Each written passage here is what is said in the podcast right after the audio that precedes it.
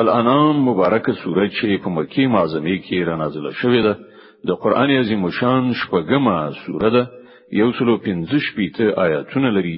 تلاوت او پښتو ترجمه یې لومړی آیت څخه اوري بسم الله الرحمن الرحیم د الله په نوم چې ډیر زیات مهربان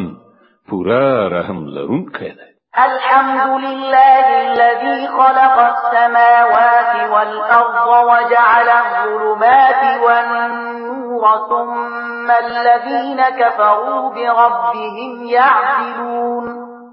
سنا ستاینه الله لره ده چې زمکه او اسمانونه هست کړل رڼا او تیاری پیدا کړی بیا هم هغه کسان چې د حق بلنې لمنلو نه انکار کړی دی نور د خپل رب سیالان ګړي هو الذي خلقكم من طين ثم قضى أجلا وأجل مسمى عنده ثم أنتم تمترون ما غزات چې تاسو له خټه نه پیدا کړی بیا یې تاسو لپاره د ژوند یو نیټه وټاکله او یو بل نیټه هم دا چې د هغه په وړاندې ټاکل شوې ده خو تاسو یې چې په شک کې لوي دی یاست وهو الله في السماوات وفي الأرض يعلم سركم وجهركم ويعلم ما تكسبون ما یو خدای په اسمانونو کې هم دی او په ځمکه کې هم ستاسو په ښکارا او پټو ټولو حالاتو پوهیږي او کومه بدی اني کی چې تاسو یې ګټي له هغې څخه خبر ده وما تأتيهم من آية مِنْ آيَاتِ رَبِّهِمْ إِلَّا كَانُوا عَنْهَا مُعْرِضِينَ د خلکو حال دا دی چې د حقوق پروردگار لنی خانو څخه هیڅ کومه نه خانت داسې نشته چې د حقوق مخې ته راغلي وي او هغوی ورڅخه مخ نه ویاړول فقد كذبوا بالحق لما جاءهم فسوف يأتيهم أنباء ما كانوا به يستهزئون لکه هم دا اوس چې کوم حق هغه تر هغه نو هغه هم دروغ وګڼ خدا په کوم شي پورې چې هغه تر اوسه پورې مسخري کوي ډیر ژر به د هغه په باب څه خبرونه هغه ته ورسي الم يروا كم اهلكنا من قبلهم من قرن مكناهم في الأرض ما لم نمكن لكم وأرسلنا السماء عليهم مدرارا وأرسلنا السماء عليهم مدرارا وجعلنا الأنهار تجري من تحتهم فأهلكناهم بذنوبهم بهم وأنشأنا من بعدهم قرنا آخرين په یو هغوی نه دی لیدلی چې له هغونه مخکې څومره داسې ملتونه مونږ تباه کړی دي چې د هر یو په خپل خپل دور کې نوم او واکمني و مونږ په ځمکه کې هغو ته هغه واس واکور بخلی و چې تاسو ته مونږ نه دی در بخلی پر هغو مل اسمانه خو ورختونه وکړل او د هغونه لاندې مو ویالي وبهولي او کله چې هغوی د نعمت ناشکری وکړه نو په پای کې موږ د هغو د ګناهونو په مجازات کې هغوی تباه کړل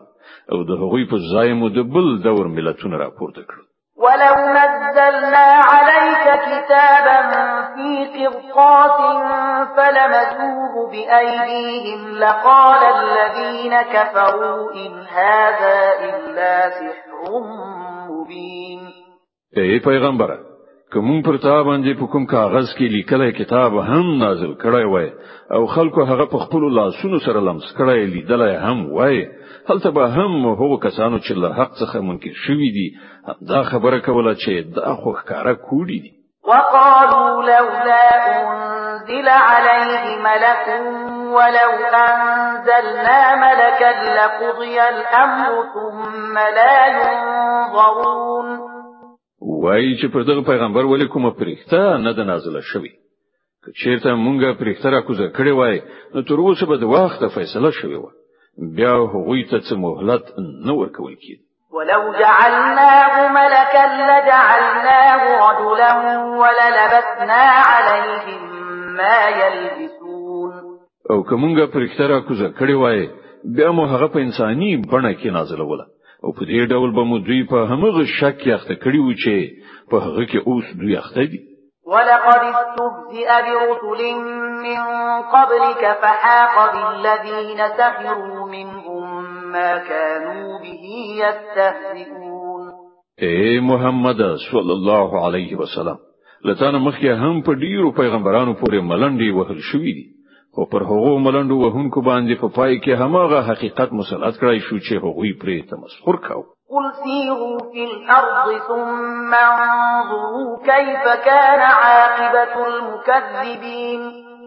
دوی ته وایي لکشان د زمکه پر مخ وګرځي را وګرځي وګوري چې دروغ غنون کې لکوم سر نوښتر مخامخ شوی قل لمن ما فی السماوات والارض قل لله كتب على نفسه به الرحمة ليجمعنكم إلى يوم القيامة لا ريب فيه الذين خسروا أنفسهم فهم لا يؤمنون لدينا تپختنه وکړه په اسمانونو او زمکه کې چې څه دی هغه د یوازې د الله دی هغه رحم او پیرزوینې کړنچاره پر خپل ځان لازمه کړی د قیامت په ورځ به هغه تاسو ټول ارومرو را ټول کړي دا حقیقت هیڅ د اشتباه وړ نه دی حکوم خلکو چې په خپل لاس خپل ځانونه د تباهي په خطر کې اچولي دي هغه نه مې صدق الله العظیم الله ستر رښتیا ویونکی دی